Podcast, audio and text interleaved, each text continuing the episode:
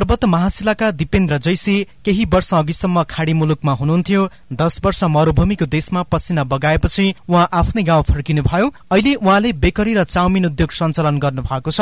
उद्योगबाट खर्च कटाएर मासिक पचास हजार रुपियाँ बचत हुन्छ।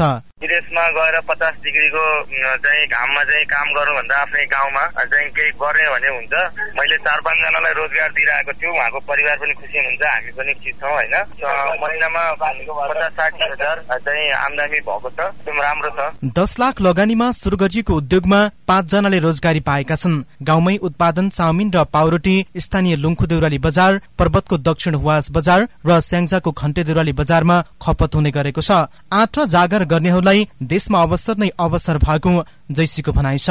विदेश गएर अब दुई तिन महिनासम्म तलब पाइँदैन त्यही पनि तलब माग्यो भने कुकुरको जस्तो व्यवहार गर्छ त्यहाँको मान्छेले। आफ्नै गाउँठाउँमा पनि हुँदो रहेछ गर्न जान्ने हो भने। युवालाई स्वरोजगार बनाउन र देशलाई समृद्ध बनाउन राज्यले युवा लक्षित थुप्रै कार्यक्रम बनाएको छ। संघ प्रदेश र स्थानीय सरकारले युवाहरूका लागि विभिन्न सिपमूलक तालिमदेखि सहुलियत ऋण अनुदान सम्मको व्यवस्था गरेका छन्। मासिला गाउँपालिकाका प्रवक्ता समेत रहनुभएका वडा नम्बर पाँचका अध्यक्ष जीवन ठकुरी।